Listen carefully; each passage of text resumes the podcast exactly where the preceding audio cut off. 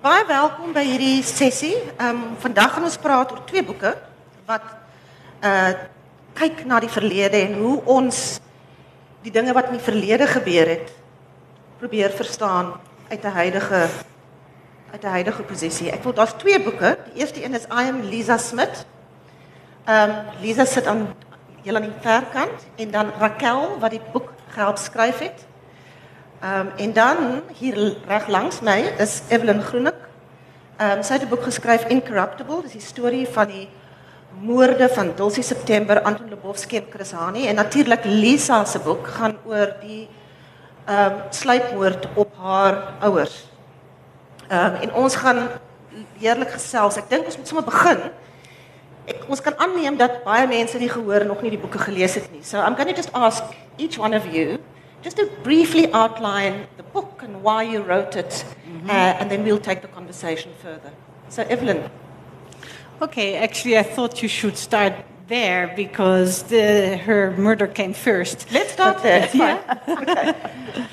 Liza, vertel vir ons hoekom waaroor gaan die boek en hoekom dit so belangrik vir jou was om hierdie boek te skryf. Ehm uh, my boek gaan basies oor my lewe, hoe die moorde my beïnvloed het van daai dag af tot waar ek vandag is. En ek dink dit was belangrik om vir my kinders 'n legacy na te laat want hulle weet nie, hulle weet nie hoe ek groot geword nie. Hulle ken nie hulle oupa en ouma nie. Hulle weet niks van hulle nie. Want ek het afgesluit daai tyd. Ehm uh, ek het net nooit weer oor hulle gepraat nie, nie eens my eie kinders nie. So dit is hoekom ek dit opskryf wou sit vir hulle. Dit was my doel. En sy die politieke deel ingebring waaroor jy kan praat. Raquel, vertel net vir ons hoe dit gekom het dat jy die boek help skryf het. Ons was eers vriendinne voor die tyd gewees en ehm uh, toe sy nou na 'n paar maande uitkom en sê maar haar pa was Robert Smith, weet ek presies dit. Ehm uh, wie hy is en daar was sulke parallelle in ons lewe wat ons besef het, maar dit was bedoel dat ons by mekaar moet uitkom. My tannie het byvoorbeeld oorkant haar broer gebly.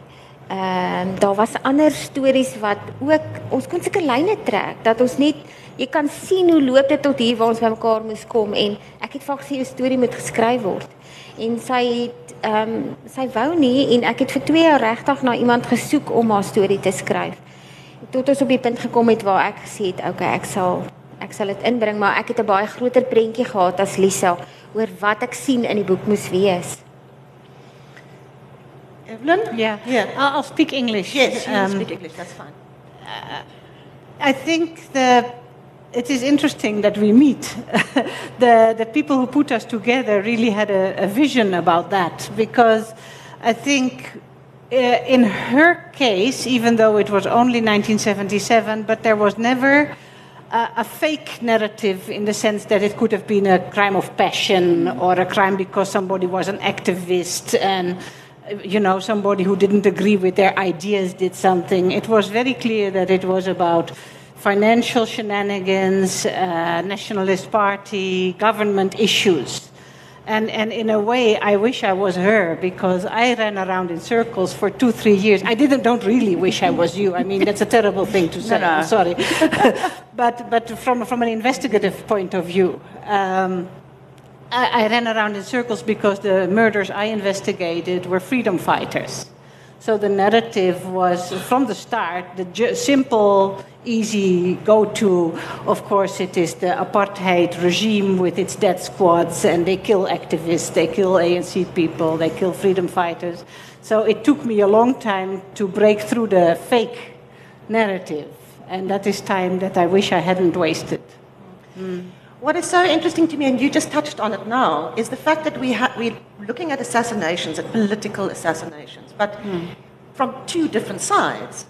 Um, jou pa was in die Nasionale Party, um, and you, as you say, rightly say, you investigated this, the, the, the, assassination of three of the biggest freedom fighters that, um, that we have. Uh, and yet there are so many parallels in the story as you peel away these layers very similar kind of people emerge, and I'll get to that. But I want to first ask you, what made you stick with this for such a long time, Evelyn? I mean, you've, it's decades. You've been, yeah. and, it's, and, it's, and it's a litany of dead ends Yeah. over decades. What I was just telling Mike Arendse there. He's Dulcie September's nephew and a family representative. Very happy that he's here. Thank you, Mike. Uh, I was just telling him that if I had known from the start, I wouldn't have done this. I thought because I was a journalist, but I was also a sympathizer of the Dutch anti apartheid movement, and I thought it was going to be a simple story. And I started out uh, on this as a simple story apartheid regime death squads kill ANC representative Dulcie September. Then you find the same people also involved in other murders. Then you find arms trade. Then you find people have been lying to you for three years. So I sort of couldn't really stop after that because now I was, what you say it in, in Afrikaans, harde gat? Yeah. I, no, I, I had to now do this thing. But I, if I knew it would have taken 30 years, I don't think I would have done it. En vir jou, jy het vroeër gesê dit was vir jou belangrik om uh iets te laat vir jou kinders, maar jy het baie vroeg al begin wonder wat hier gebeur het obviously. En alhoewel jou boek baie later gekom het, het hy ook die meeste die grootste deel van jou lewe gespandeer om te probeer verstaan wat hier aangaan. Um ons lewe in 'n tyd waar mense altyd sê let bygones be bygones, let us forget about the past. Hoekom is dit so belangrik vir ons om te verstaan wat in die verlede gebeur het? Maybe ja, Ek ek wil dit verstaan. Ek wil die rede hê. Ek soek nie die ou wat die sneller getrek het nie. Want hy het 'n opdrag opgetree. Dit is regtig hoe ek voel. Ehm um, ek het betrokke geraak by my eie ondersoek. Boots and all, like you. By die by die tyd van die WVK het ek betrokke geraak. En ek het op baie tyd gemors. Onnodig waar mense jou op baadjies gestuur het. Maar ek vir my ek soek nie vir gelde nie, hoor. Ek wil net weet hoekom. Dis al. But it's also important uh, to keep on digging into issues of power and corruption. So you all know corruption and power are still making victims. I mean, look at all the grieving families in KwaZulu Natal who have lost loved ones over tenders. Look at Jimmy Mohlala in um, Mbombela, Nelspruit, who was killed over uh, a soccer stadium um, ag- uh, with the nuclear deal that uh, Jacob Zuma wanted with the Russians. I'm not, I, I, I didn't investigate anything, but somebody disappeared. Uh, may have been one of the crooks, you know, a fight among crooks, but ordinary citizens don't know about these things and are being told lies even today. It's interesting. I wanted to come to that a bit later, but I think it's so important. You know, we, we're talking about political assassinations as a political tool Mm. om mense stil te maak wat te veel geweet het. Clearly in al twee hierdie gevalle was dit uh, of vier gevalle. When you mhm. look at An- Anton and Chris Hani, there's very clear. All both of you right. There was a very clear situation where they knew something that wasn't supposed to come out. Mm. Um, and then we look at assassination as a political tool, and it's not something that we left in the time of apartheid. It's now emerging, as you say, Evelyn, mm-hmm. everywhere. The, the, the using assassinations. Um, just talk a little bit about that, a little bit more about that in terms of KwaZulu Natal, and what, what, what do you think about that? Well, I, I, I don't pretend that I know things um, about how power works, but I think when you see social change and revolution, uh, you get new people coming to power. In a way, systems of, of, of power and wealth and mechanisms are already in place.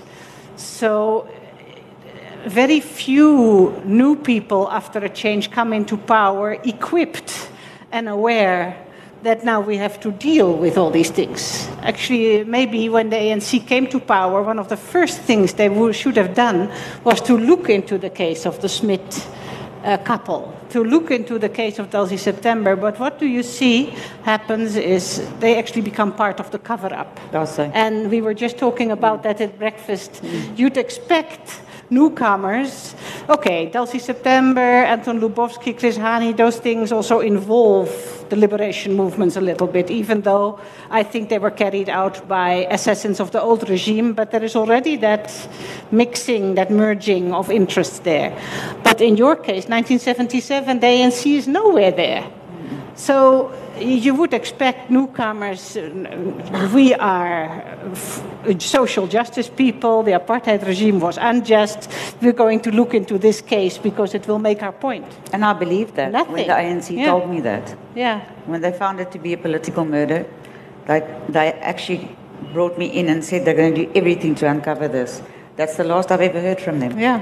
So you sort of get like this power play where the people who end up floating on top, occupying the top positions, uh, yeah, they become part of a cover up. And you see that the people who were killed were the most social justice minded people. And uh, the people who came to power, I always call them the people with the sharpest elbows. I want to exempt, of course, Mandela from this. I think Mandela really embodied moral values. I, I really believe that. Uh, that people call him a sellout now- nowadays, and that is very hurtful because he was always talking about doing the right thing right versus wrong, and that's something you don't hear anymore today. and it's not ek- only in South kan ek Africa. iets ietsie sê.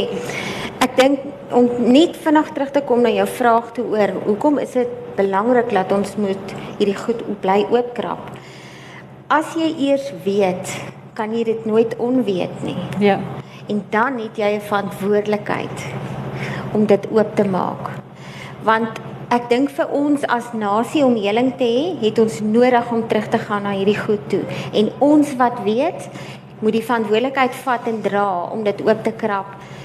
Want eers as hierdie goed die sweer oop is, kan ons heling begin kry om van hier af te stap en te sê, "Oké, okay, ons is nie daai supernasie gewees wat ons gedink het ons in die 70's is nie." En al wat ons beskerm het toe was die feit dat sosiale media nie bestaan het nie.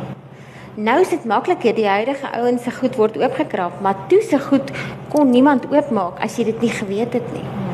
En dis hoekom dit die die die algemene ou op straat het dit nie geweet nie en hy het onkundig opgetree eintlik. Maar nou weet ons en nou moet ons daai verantwoordelikheid vat. Ek dink dit is so interessant dat ons het 'n proses gehad wat veronderstel was om vir ons te vertel wat gebeur het, die waarheids- en Dit versoeningskommissie. is so. En in al twee julle boeke uh is dit 'n baie unsatisfying experience. Ja. En gaan ons deur die waarheids- en versoeningskommissie en dan kom ons die ander kant uit en ons weet eintlik nog steeds geensins een enkele ding meer oor hierdie vier moorde nie. Vertel vir my Lisa jou ervaring van die waarheids- en versoeningskommissie. Ek het regtig baie baie hoop daarop gesit. Ek dink in my hele lewenstyd was my hoop daar want hulle staan vir geregtigheid. Maar daar is vir my gesê vroeg vroeg dat niemand het aansoek gedoen vir amnestie vir die Smitmoorde nie. Wat klaar vreemd is. Want as dit 'n gewone moord was of 'n gewone ding, sou iemand seker aansoek gedoen het. Maar dit was so hoë profiel ding dink ek dat Dis hoe sy vir my sê almal het, het wapens teen mekaar se koppe. Want iemand kan nie praat nie want dan gaan die ander ene, jy kan dit beter verduidelik, maar oor die WVK, daar het ek my grootste hoop gehad en ek het verskriklik betrokke geraak daarbey en my blootgestel aan baie goed tot waar my lewe bedreig was, my en my kinders se lewe. So dit is vir my sleg. Die WVK het vir my net mooi niks beteken nie, hoor. Niks. Ek het um, baie keer al gewonder of die of dit nie dalk was dat mense gedwonge gevoel het nie. Jy weet die WFK was 'n proses wat daar gesit was 'n platform.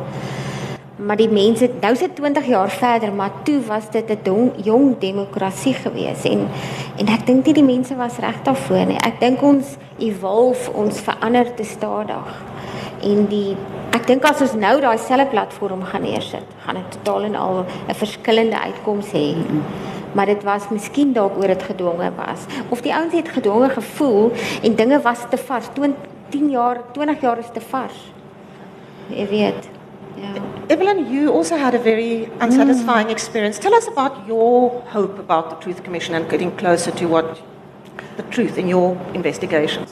No, well, my hope was linked to an offer from my side to actually help. Uh, because I had done some investigating already, and I came to them and I expected that they would say yay, and you know, she doesn't even want money, so uh, we can use this research. But uh, at every turn, uh, there was no interest, and okay, maybe my research was no good, but there was a, one person in particular, a, a Swedish policeman, Jan-Åke Kjellberg, who was seconded by the Swedish government, and really a very well-trained investigative detective, one of Sweden's best, Sweden's best. And he was also frustrated. In the end, they ended up firing him, and they ended up uh, sealing up all his notes, and they were kept secret for a very long time. I think some of it is still secret even now. And there was a, a, a policeman. I also don't know how you get a KwaZulu policeman in charge of sensitive investigations. This is somebody who is only used to carry out instructions from an oppressive past regime. And he has never actually really been motivated by wanting to find truth or risking his job or whatever. So they sent this man to go with the Swedish policeman Kjellberg to Paris because Kjellberg says, No, I've I heard this now about Paris and I'm investigating the Dulcie September case and we're going to follow this track that we had discussed that actually came from me, but he thought there was something to it. We're going to uh, ask this uh, French uh, ruling party man uh, what he knows about arms trade and stuff. And this KwaZulu, KwaZulu policeman actually sabotaged that entire interview. And shortly after that, uh, Kjellberg was fired. So the Truth Commission did not actually in any way take, this, take your investigation further.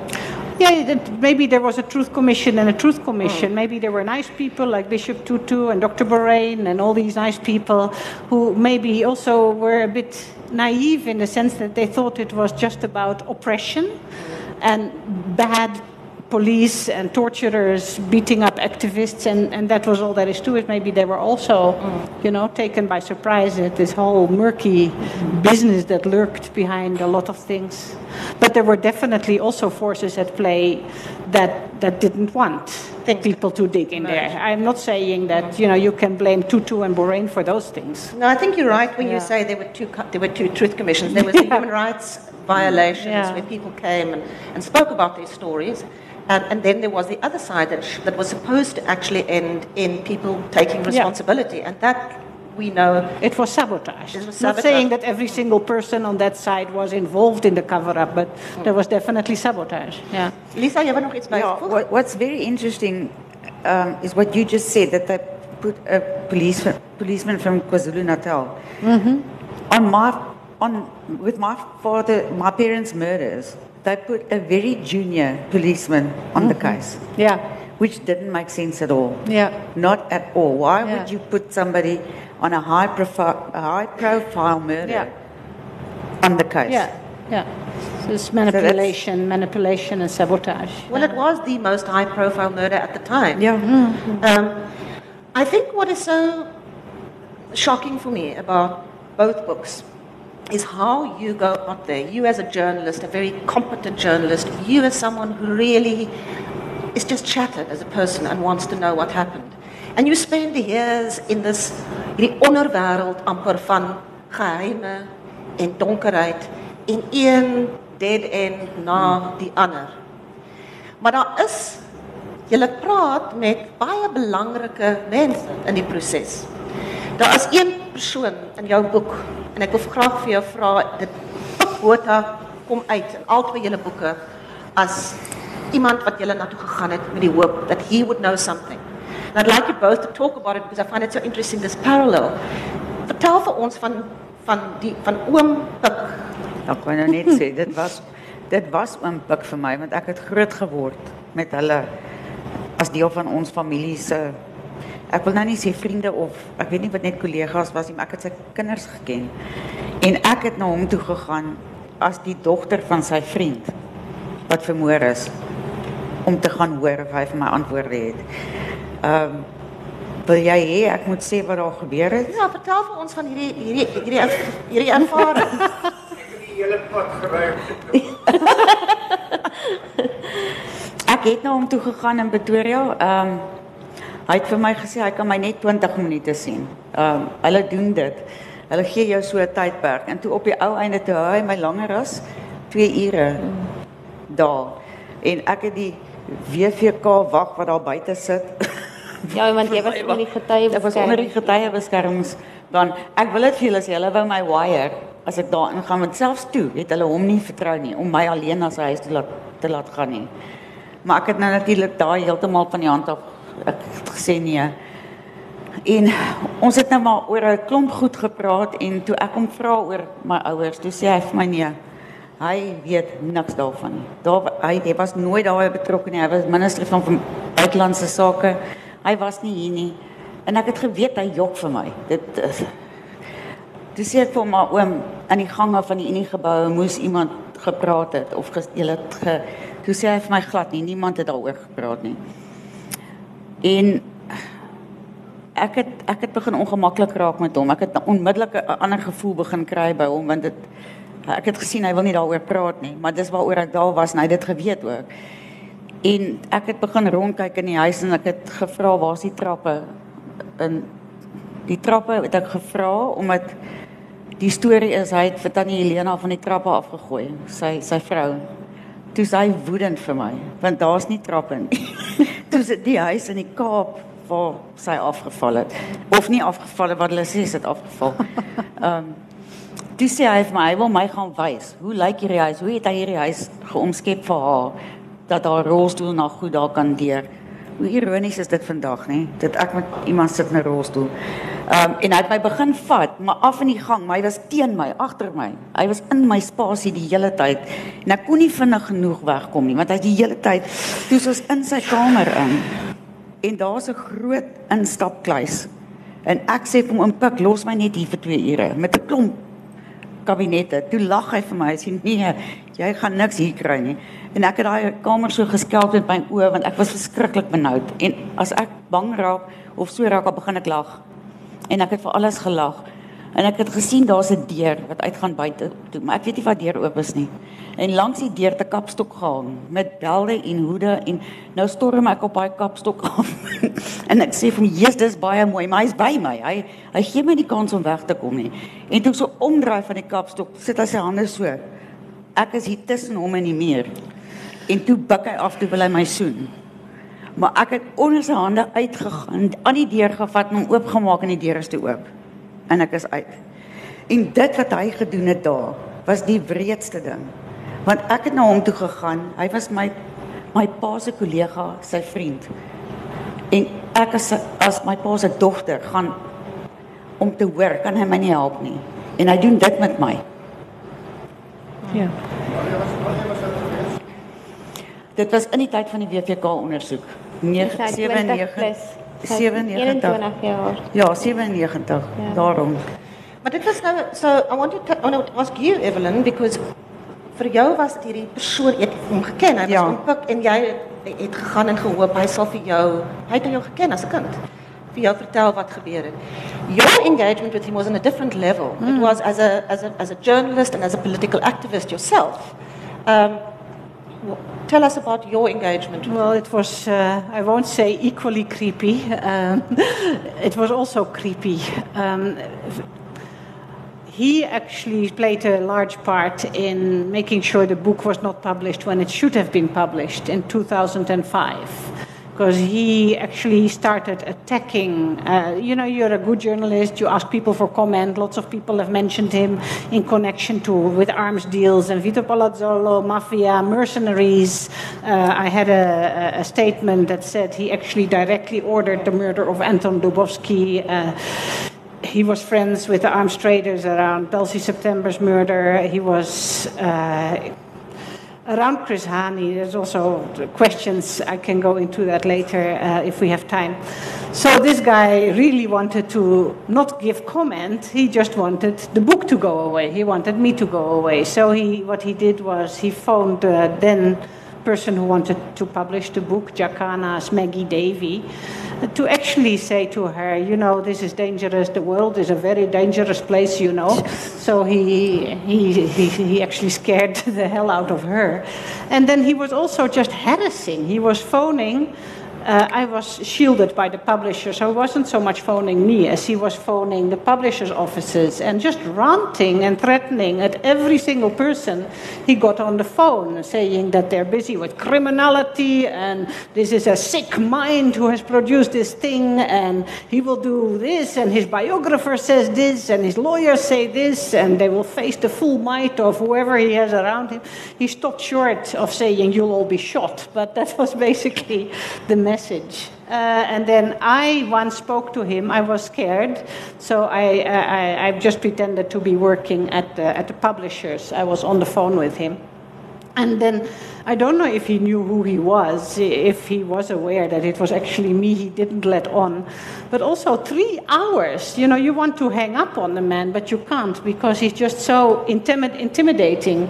And I kept trying to keep my wits about me and kept trying to come back to the questions in my role as. Uh, somebody who works at Jacana and sitting with his manuscript and saying, okay, but the author says this, and there's this witness statement that, and there's this company paper that.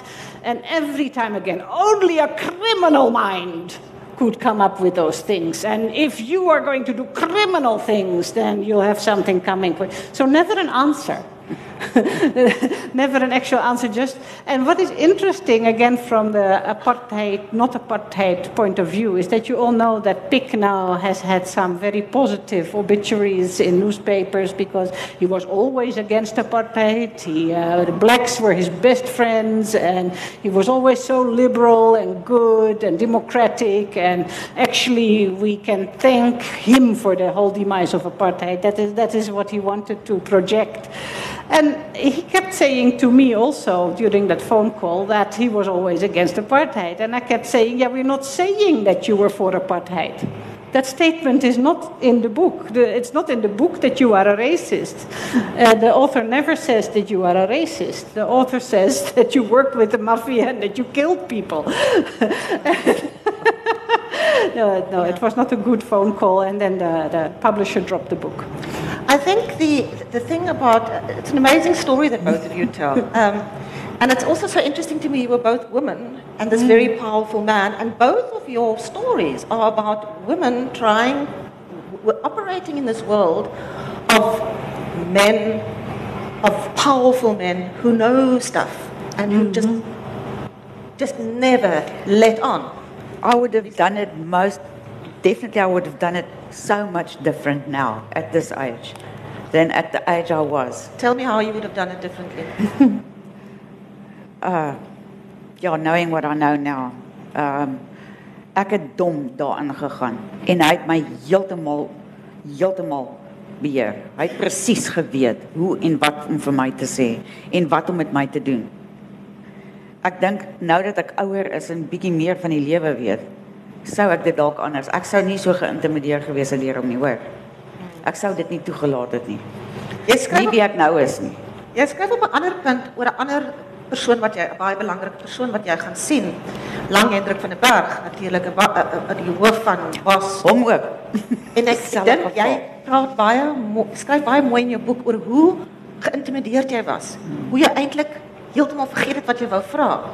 Ehm um, sou jy vandag dit ook anders hanteer het? Ja, Maar onthou, hulle sou nog steeds ook die mense gewees het wat hulle was. Hulle is altyd briljante mense gewees, baie slim. En as jy nie in daai milieu gelewe het of beweeg het waar hulle was nie, staan jy eintlik nie 'n kans om met hulle te kan gaan redeneer nie. En ek het dom met albei gaan praat, oningelig. Net beweet, ek wou net antwoorde gehad het. Ek het nie geweet wat ek nou weet nie. There were other interesting uh, people, powerful people in your book where you went for questions. Um, and the, the attempt to keep the truth from emerging, there was, there were, that was also on the side of the ANC, it seemed. Mm-hmm, mm-hmm, mm-hmm. Dulcie said, you very early on in the book say, say that Dulcie knew something and she wanted to tell the ANC. Tell us about that one meeting with mm. Solly. Mm, mm, yeah, so I need to go back a bit then how I started out investigating. Remember, I was close to the anti apartheid movement, so my first source, the first place where I looked for basic information and maybe some kind of expert support was the ANC in London. I mainly dealt with Aziz Pahad there. So uh, we were still. Uh, all accepting the narrative that this was uh, political in the sense that military death squads from South Africa killed Dulcie September because she was an ANC activist, and that was all there was to it. So uh, Aziz Pahad and others, also Frene Ginwala and Essop Pahad, uh, they sort of took me by the hand and told me, either you don't.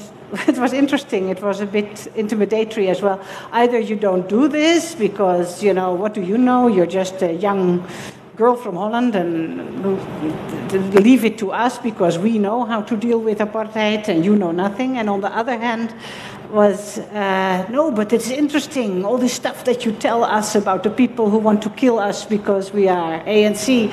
So the more I regurgitated stories about death squads because there were really death squads. I mean, it happened, uh, but not in Europe.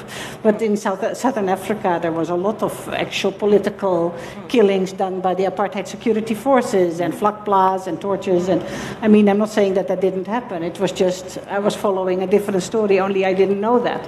So I was reproducing all these death squad stories that had already been in the newspapers, and they were very happy, and I must continue like this then uh, I finally I come to this point where I realized Elsie knew something about arms trade, and that is when at a conference in Paris uh, the ANC was meeting the French Socialist Party government, and there was some drinks afterwards.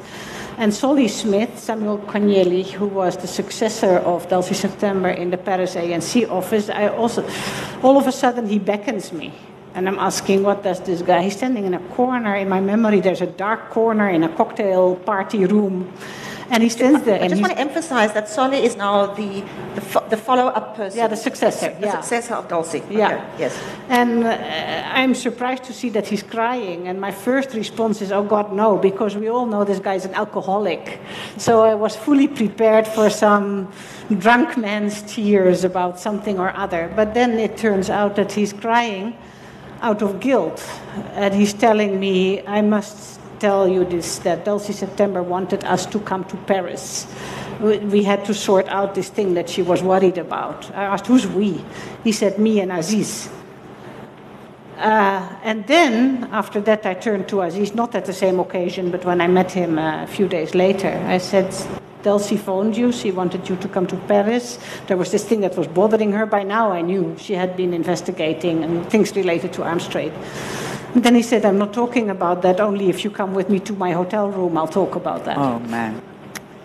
So it's the, so, so it's this, this extraordinary thing of everybody colluding Men. to keep the story away. Story is. I want to just change. This is the first time ever I've been in a panel with only women. It's very nice. I want to change tack a little bit. I will come back to what you actually think happened. I want to just talk. I wanted to go into the personal, your personal story, just a little bit. And I, it might be a little bit difficult for you, but I want to read something. Ek wil iets wat Liza skryf of wat Raquel skryf in Liza se stem. Sy praat, sy's 13 jaar oud. En ek dink dit het my so aangegryp my dogter 13 jaar oud is en ek het so half deur haar oë hierdie boek gelees. En dit is by jou ouers se begrafnis. Throughout the service I saw my parents' coffins. They were almost completely covered in flowers. I could only see the sides. In the days before the funeral, in the midst of the shock, loneliness and horror, I missed my parents intensely. Miss is not even the right word. Neither is longing. It was an emotion that caused physical bodily pain. Questions kept running in my head. Why were they murdered? And what would become of us? Um, and I thought, I was quite, I was, um, felt quite emotional when I read that because I, we often talk about the big narrative. What happened? What was the, uh, you know, what was the strategy? Who was behind it? Which powerful people were pulling the strings? And we forget about that. Tell us about, kan jy onthou daardie die dag? Daar's ook 'n verskriklike na die begrafnis of voor die begrafnis word jy geneem na die huis toe. Ehm um, en dit is net hierdie ongelooflik, ek kan nie glo dat iemand dit aan 'n kind sal doen nie. Wil jy net bietjie praat oor daardie ervaring? Ja, ja, daai was toe ons na die huis toe was, is dit was 'n dag of twee na die moorde wat hulle ons soontoe gevat het om ons vingerafdrukke te neem. Dit was wat hulle gesê het en dit het nooit gebeur nie. Ons vingerafdrukke is nie geneem nie. Ons is deur die moordhuis gevat. Ehm um, Jy en jou boetie. ek ek het geskryf ek en my boetie, maar soos wat ek aangaan kan ek glad nie onthou dat hy daar was nie. Dis nou ek onthou nou onthou met haar het sy sleutels van onthou in my kop begin oopmaak. Goed wat ek gebeure het. Ehm um, ek dink die die opdraggewers of die mense was nie bewus van ons nie. Want toe- die dag wat ons gehoor het en ek by die huis gekom het en die Springs kantoor gaan bel en ek het nie geglo wat ek gehoor het nie. En ek het gevra om met my pa te praat en hulle sê hou aan die die tannie wat ek nou geken het uh ek sit jou deur. Toe tog ek kies dit is hulle is almal verkeerd en hulle sit my nou deur. Toe antwoord 'n man aan die ander kant en uh, ek sê vir hom asseblief met Robert praat. Robert Smith praat. Hy sê wie praat nou? Toe sê ek dis sy dogter sy woorde was my Here is daar kinders. So ek dink niemand het eintlik omgegee oor hoe dit ons raak nie. Ehm um, wat ons deur gegaan het nie. Dis eintlik baie erg hoor, want dit die fokus was op die moord en die politikus en nie op die kinders en die familie wat wat nie verstaan nie. Die familie het nog gehelp om al die dokumente vir hulle te gee toe hulle by die huis aankom in Pretoria. Jy weet, die regering se mense en ons familie het gesê, "Vat, vat alles wat jy nodig het." So het ons alles weggegee. Maar jy's deur die huis gevat en jy is 'n is 'n kind, jy's getraumatiseer, jy ou jy weet nie eers wat eintlik aangaan nie en hulle vat jou deur die moordhuis en die in die in die moord sien met geen uh, understanding van wat dit jou aan jou as 'n kind doen nie. Jy praat, jy skryf so mooi oor jy moet so teen die teen teen Kant. Ja, teen die gang af probeer om nie in die in die bloedspore te trap nie. Mm. Wat was die, wat was die idee agter hierdie gruwelike ding om aan 'n kind te doen? Ek weet regtig nie hoor. Ek weet nie hoekom het hulle dit gedoen nie. Ek kan nie vir julle dit antwoord nie. Tot vandag toe verstaan ek nie hoe doen jy so iets aan 'n kind nie. Nie eers aan 'n volwassene nie man, net let alone a child. Ek weet ou toe ons daar toe ek inloop, hulle het ons mooi gecoach al die pad soontoe en vir, vir my gesê, hoor jy onthou nou, jy gaan bloed sien, jy gaan maar hulle is nie meer daar nie. Hulle is nie hemel. Jy weet dis nou wat vir jou gesê word. Maar niks niks kan jou voorberei op daai wat jy in op inloop nie. Toe in daai voordeur loop, toe sien ek daai ek het dit ek het nie die Engels of dit so goed dit beskryf nie, maar dit was my so so hoop. Dit is so donker jelly spul wat daar gelê het, so hoop. En ek het so afgekyk en hulle het my so saaklik weet gesê, "O ja, 'n paar dae geval, my het ruk daar gelê. sien jy en toe sleep hulle hom. Kan jy sien hoe dit daai vlies nou eintlik gebreek toe hulle hom in die gang. Dit was verskriklik koud en on, ek was alleen. Ek het nie iemand daar gehad wat die emosie kon by my vat nie. En daar moes ek al groot mens koentjies aantrek. Weet, my om nie ek moes kyk, ek moes sien, ek moes dit kyk, ek moes daai kyk, daar het hulle gespuit. Hoekom? Ek weet nie. Ja, weet nie. ek dink wat my as skrywer baie geraak het is die feit dat ek kon my in haar skoene sit en hier tel sy ietsie bekends op in hierdie bekende huis, maar dit is nou vreemd. En hier tel sy haar ma se handskoen op haar maat psoriase gehad. En tel die handskoen so op en daar's haar ma se vingertjie, die pinkie in die handskoen, soos wat sy gekeer het. En hulle skree op haar en sy los en weet dit is 'n absolute verskrikking wat ek van daai dag af saamdra vandat ek dit geskryf het, jy weet om om te dink dat niemand het daaraan gedink dat jy dit aan 'n kind kan doen nie. En ek dink jy Rakel kry dit so goed reg om hierdie stem, Elisa se stem te verteenwoordig in die boek. Ek kom nou na jou Evelyn, ek wil net vinnig vra hoe dit gekom dat jy die boek geskryf het en op so 'n beautiful manier haar stem kon kon verteenwoordig. Ek ehm um, ek is 'n randfiguur as gevolg van my ma looks en so aan. So dit het gemaak dat ek baie op die kantlyn staan en en mense waarneem. En my waarnemingsvermoë is baie skerp. En ek het altyd gekyk na Lisa en geluister en ek is baie empaties en ek dink dit is maar deel van die resep gewees om op die ouene so so goed haar stem te kon word, maar ek het ook geleer om in haar skoene te klim deur alles op te swat, haar mannerisme, haar manier van praat. Uh ons het verskil oor haar manier van praat, maar dit het nie vir my eintlik saak gemaak in die groter prentjie nie. En ek dink hierdie was 'n deel wat dis deel van my karakter gewees om om dit te kon regkry om in haar stem te klim, maar ons was ook vriendinne vooraf. En dit het ek dink dit het dit makliker gemaak. Um om as vrou 'n ander vrou se storie te vertel, maar ook as as iemand wat 'n kinderskoene kon aantrek en te voel daai verskrikking wat dit was om deur daai huis te loop en en jouself te vereensgewig met daai hele kind wees. En dit was die, die deel van die proses was om haar terug te vat na daai dogtertjie toe. Ehm um, want dit is 'n belangstelling by my. So ek dink dit was maar 'n hele 'n hele sameloop van wie ek is om dit te kon so suksesvol regkry as jy sê dis successful ja. Evelyn, you let's talk about um, Chris Hani because uh, I'm reminded that he also had a child almost of her age mm. when he was mm. was assassinated. Yeah, it's one of the most um, astounding things in your book that what you come up around the Hani murder, and you say in your book it isn't what it was made to be. Just briefly give us an insight into what you came, what you think happened. It's actually very stark uh, that the whole saga does not take into account what the neighbors saw, which you think is basic police work.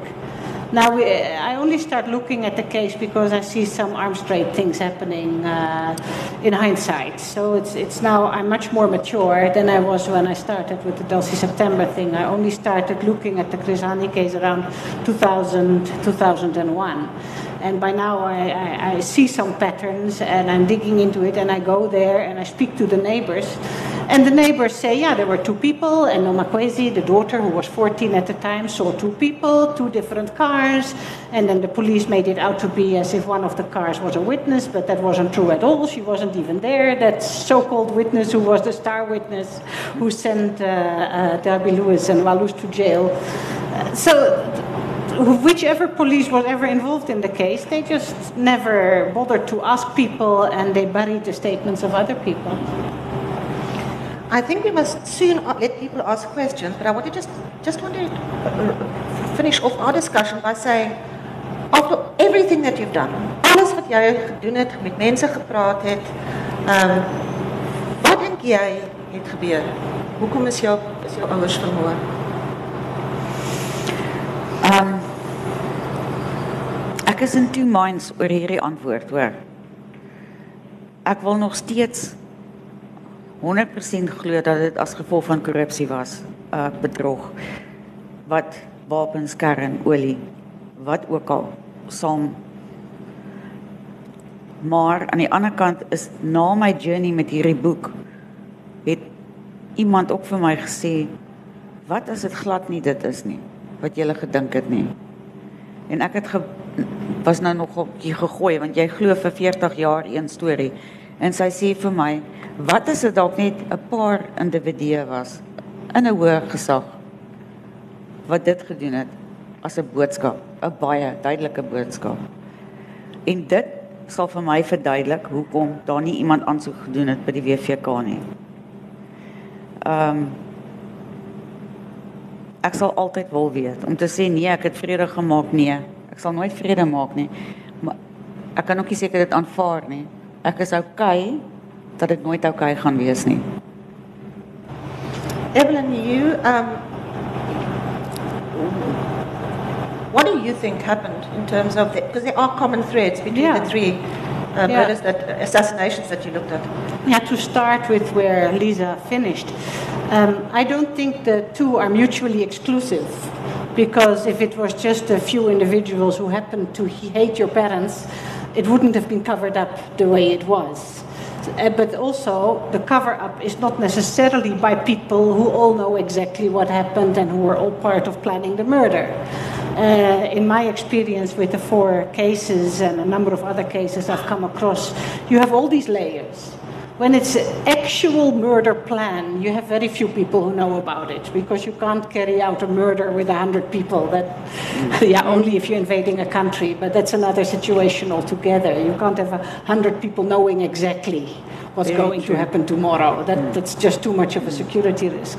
So the people who know exactly are like three or four, and you get the expert assassin, and I think you come to some people who really know how to assassinate in your book. I've also come across some people who really know how to assassinate, which is also why sometimes you dismiss a story. Like Janusz Walus was not a, a marksman, he was a truck driver. You, you're not going to hire a truck driver if you want to kill a person of the stature of Chris Hani. It just doesn't make any sense, even though he was part of a skeet club and whatnot. But it doesn't make any sense. You need a specific skill for that. You talk about McDougall, Bill, Phil Freeman, Jerry Raven. Yeah, that's the kind yeah. of people. And they would. But the interesting thing is what I heard from uh, talking about the Chris Hani case from the neighbors again. Walus was always a calm kind of person, and they saw him driving up and away, and he was calm. Uh, the people who saw him, uh, you know, behind the steering wheel. But there was another one who was looking extremely angry. And that doesn't make sense because nobody recognized that man. It was not somebody who was known in the neighborhood. And it is doubtful that he would have known Chris but he looked very angry. So I don't know, this is pure speculation. But maybe if you are an assassin, maybe you get into an angry mood.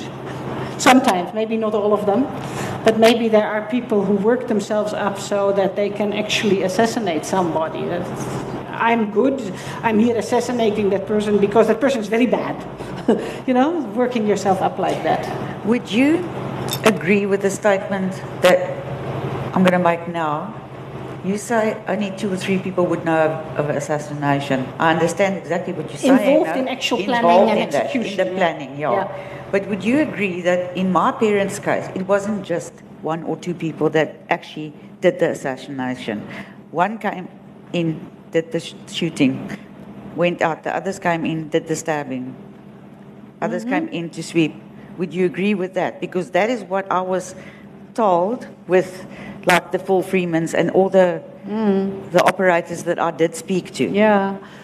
Look, So that no one can- can they, actually- They, they could have, but that's speculation, I don't know, but they could have contracted people with different skills also to sort of muddy the waters. Yeah, when you talk about that's, uh, those words that were spray painted on the yeah. wall, this Rautem, it, I don't know, I, I really do not know. I didn't investigate the murder of your parents, um, but it sounds to me like so- a a French Secret Service man once told me, this is what you do when you want to send investigations off in all kinds of directions. But I agree with Yeah. you. That wasn't part of the that plan. they're all going to worry about what Rautem means. Yeah. They're all going Because to the worry about was what there. knife and Yeah. yeah. yeah. so, so, uh, but I don't know. That could be it. Yeah.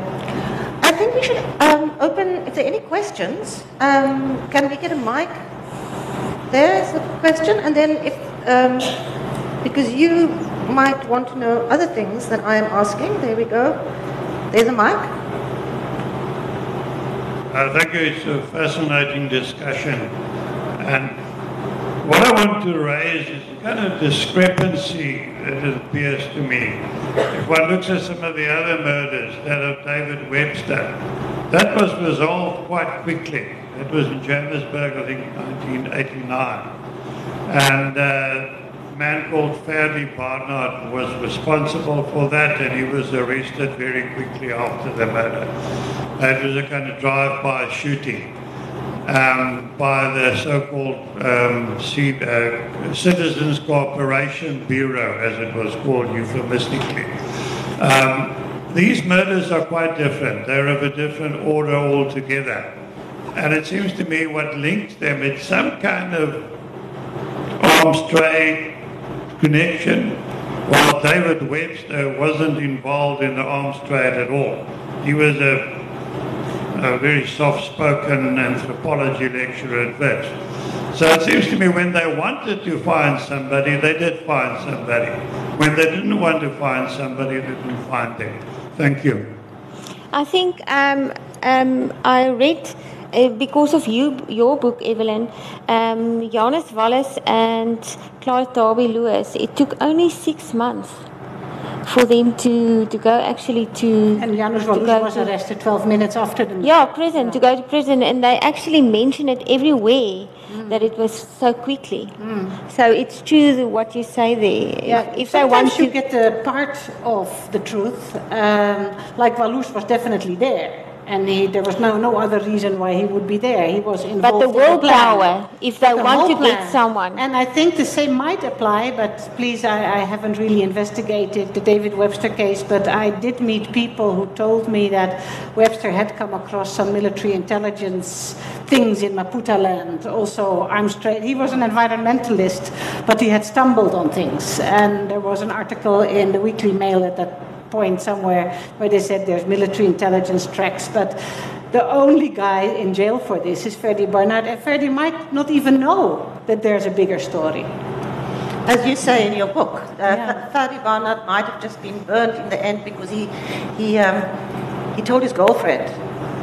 And, and there is an expendable. Walus was expendable, maybe, but I'm not sure. Maybe Barnard was expendable. But I think the key, the key thing here, and that's such an important point you're making, is that when you wanted to find, when you wanted to solve something, it was You solved. can, In, yeah. in this, in your parents' case, and in all three of the cases that you look at, it's, it remains after all these years just a dark hole of possibilities. And that's what I want to know. Why?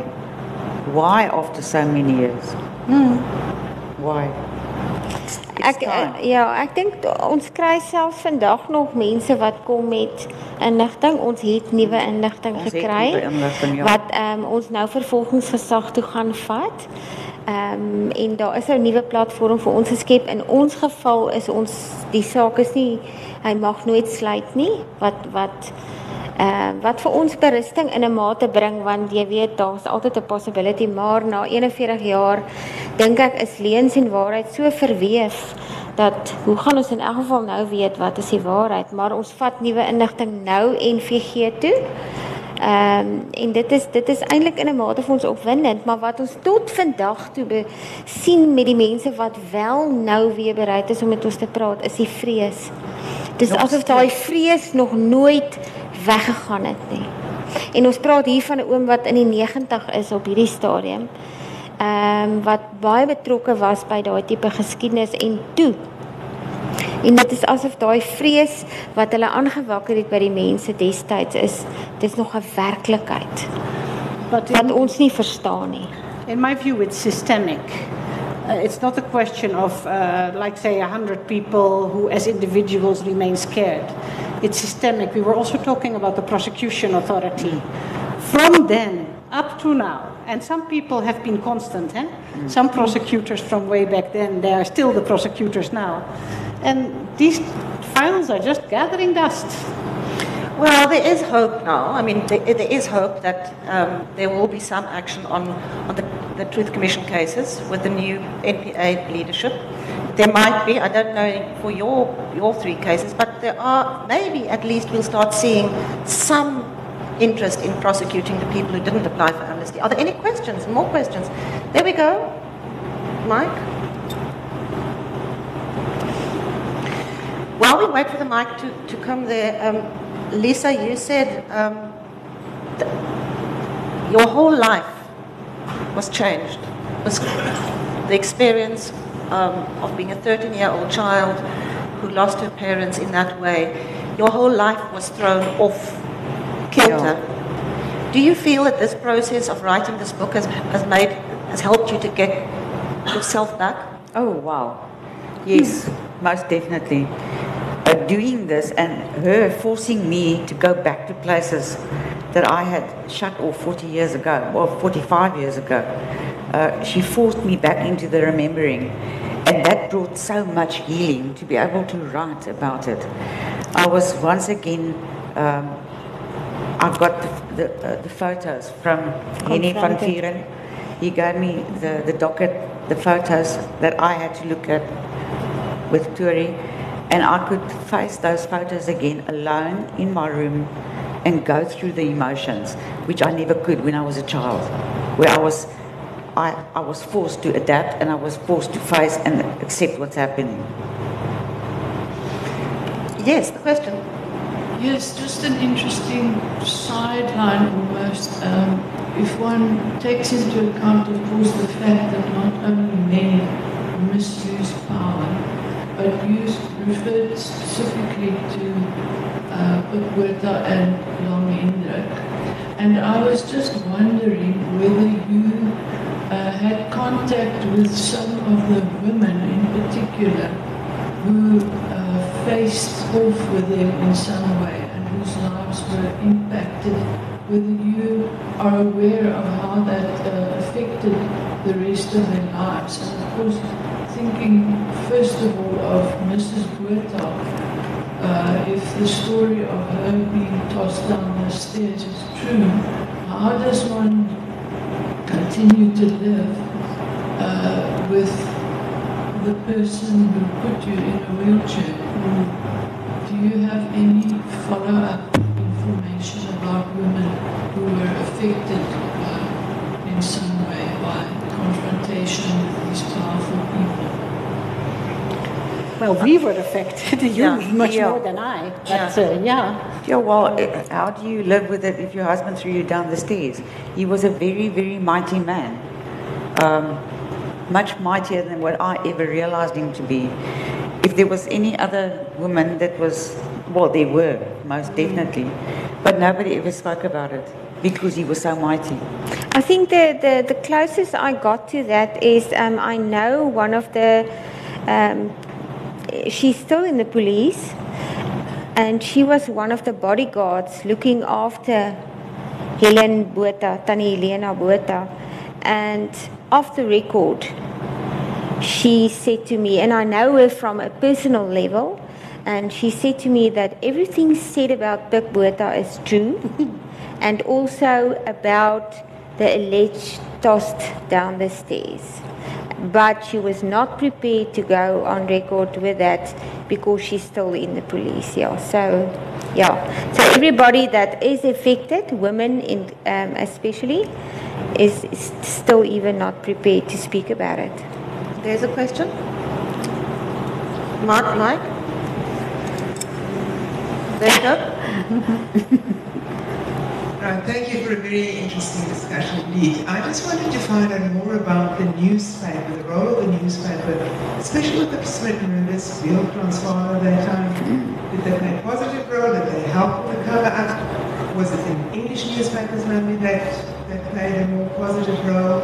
Um, and, and obviously it applies to the other side as well, but I was really interested in the Smitten. That's an ex- excellent question. I mean, in, in Liza's book, it's uh, journalists are the constant uh, kind of a constant. Yeah, and in fact, journalists are key to you actually driving your investigation.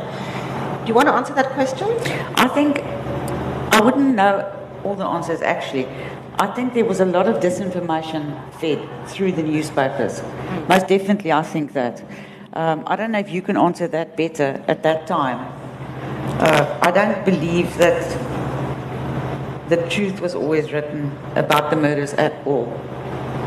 Ja, ek is ehm um, kan jy sit ek as ek Afrikaans praat. Ek is ek is geneig om met haar saam te stem en ehm um, die rede waarom ek die berigte gebruik het is om terug te gaan in die in die geskiedenis sodat ek vir die nuwe generasie kon sê maar hierdie is wat gebeur het en dit was al die spekulasies. Dis nie noodwendig die waarheid nie, maar ek het deur alles gewerk om spesifiek die rol te wys van die media spesifiek en hoe groot rol dit kan hê het sy positief of negatief en as ek terugkyk na die storie sal ek sê dit was meer vir Lisa 'n negatiewe impak wat dit op haar lewe gehad het eerder as positief want ehm um, Piet Botma het byvoorbeeld eerste 'n storie gehad voor as hulle nog net iets geryk het dan het hy al die storie en ons weet presies waar die lek was En sy kon dit nooit verstaan nie en ons kon seker 3 maande terug met Piet Botma om 'n tafel gaan sit en en hy kon net vir haar sê Lisa, weet jy wat, dit was my werk. En ek self was jonk. Maar terugkyk, dit was 'n negatiewe erf. Dit was meer negatief as positief. Ja. Ek dink daar die regering het baie goed beheer. Weet soos die citizens in, in Transvaal definitief hoor. Dis my gevoel. We're almost out of time, and I want to end with, with Evelyn. Your book is called Incorruptible, and let's talk about. Uh, you spoke about your, you think your father was onto some kind of corrupt activity. Your book is about incorruptible, is titled Incorruptible. Just tell us what your final analysis is. What is the, the thread that pulls these three assassinations together? Well, it was definitely uh, dirty trade deals. Chris Hani stood in the way of um, not only, I think, our uh, notorious arms deal that cost us so much money for, well, very little uh, benefit, and that delivered like six billion rands to people who were involved in, uh, in organizing it. If Chris Hani had lived, uh, he might have become deputy president or minister of defense, and he, even though he might not have had the ambition to, to play such a high profile role because he was always like a modest grassroots person and he would have been happy with a modest grassroots role, but he was the most loved ANC person after Mandela. And in my view, it was a risk that the arms traders, especially British Aerospace, that got like 60% of the whole arms deal, and um, the English were also very close with his government. Actually, Thabo Mbeki, who was president at the time, knew for sure that he wanted that alliance with the British, and it had to do with the arms deal, and it had to happen. So I'm not saying Thabo Mbeki knew about it or did it, but it, this is something now, when I talk about systemic, this is something that it has to happen and there is somebody who stands in the way. The good people. Yeah, in this case, it was just Chris Hani, because without Chris Hani, MK was going with Sizwe, that was going to be a very important force in the new Ministry of Defense. Um, they had the, the, the Joe Modise affection had to come there. Uh, to, to make this thing happen. And Chris Hani was the only one who stood in the way of that. So I can't say who in the end said, okay, and now we're going to kill the guy. But it is in that system, and Chris Hani being that obstacle, that somebody says, let's do this. And I think Pik Botha even played a role there because he made a big song and dance about, look at me, I couldn't have had anything to do with it. I was on the hit list of Janusz Walus as well. I think the guy oh, put himself on a hit list. Come on. yeah. so, yeah, and then Dulcie September stood in the way of some nuclear missiles. Anton Lubowski the quote I got from the statement, uh, I don't know if it's true, but there's one statement of somebody who was actually involved who said, um, Pik Botha told me to kill Anton Lubowski because he wanted some diamond deals in Namibia and the guy was costing him money. Yeah. Okay, so we've come to the end of our hour. I mean, it's amazing. I, I feel as if we've just scratched the surface. Um, oh, yeah. So please buy these books. They are really incredible, um, and they are two different takes on on the the darkness of our past. Um, baie dankie dat julle gekom het. Ek hoop dit was vir julle interessant en dankie vir die mense wat hier was. Dit was vir my heerlik and thank you so much. Thank you Anneliese. Thank you guys.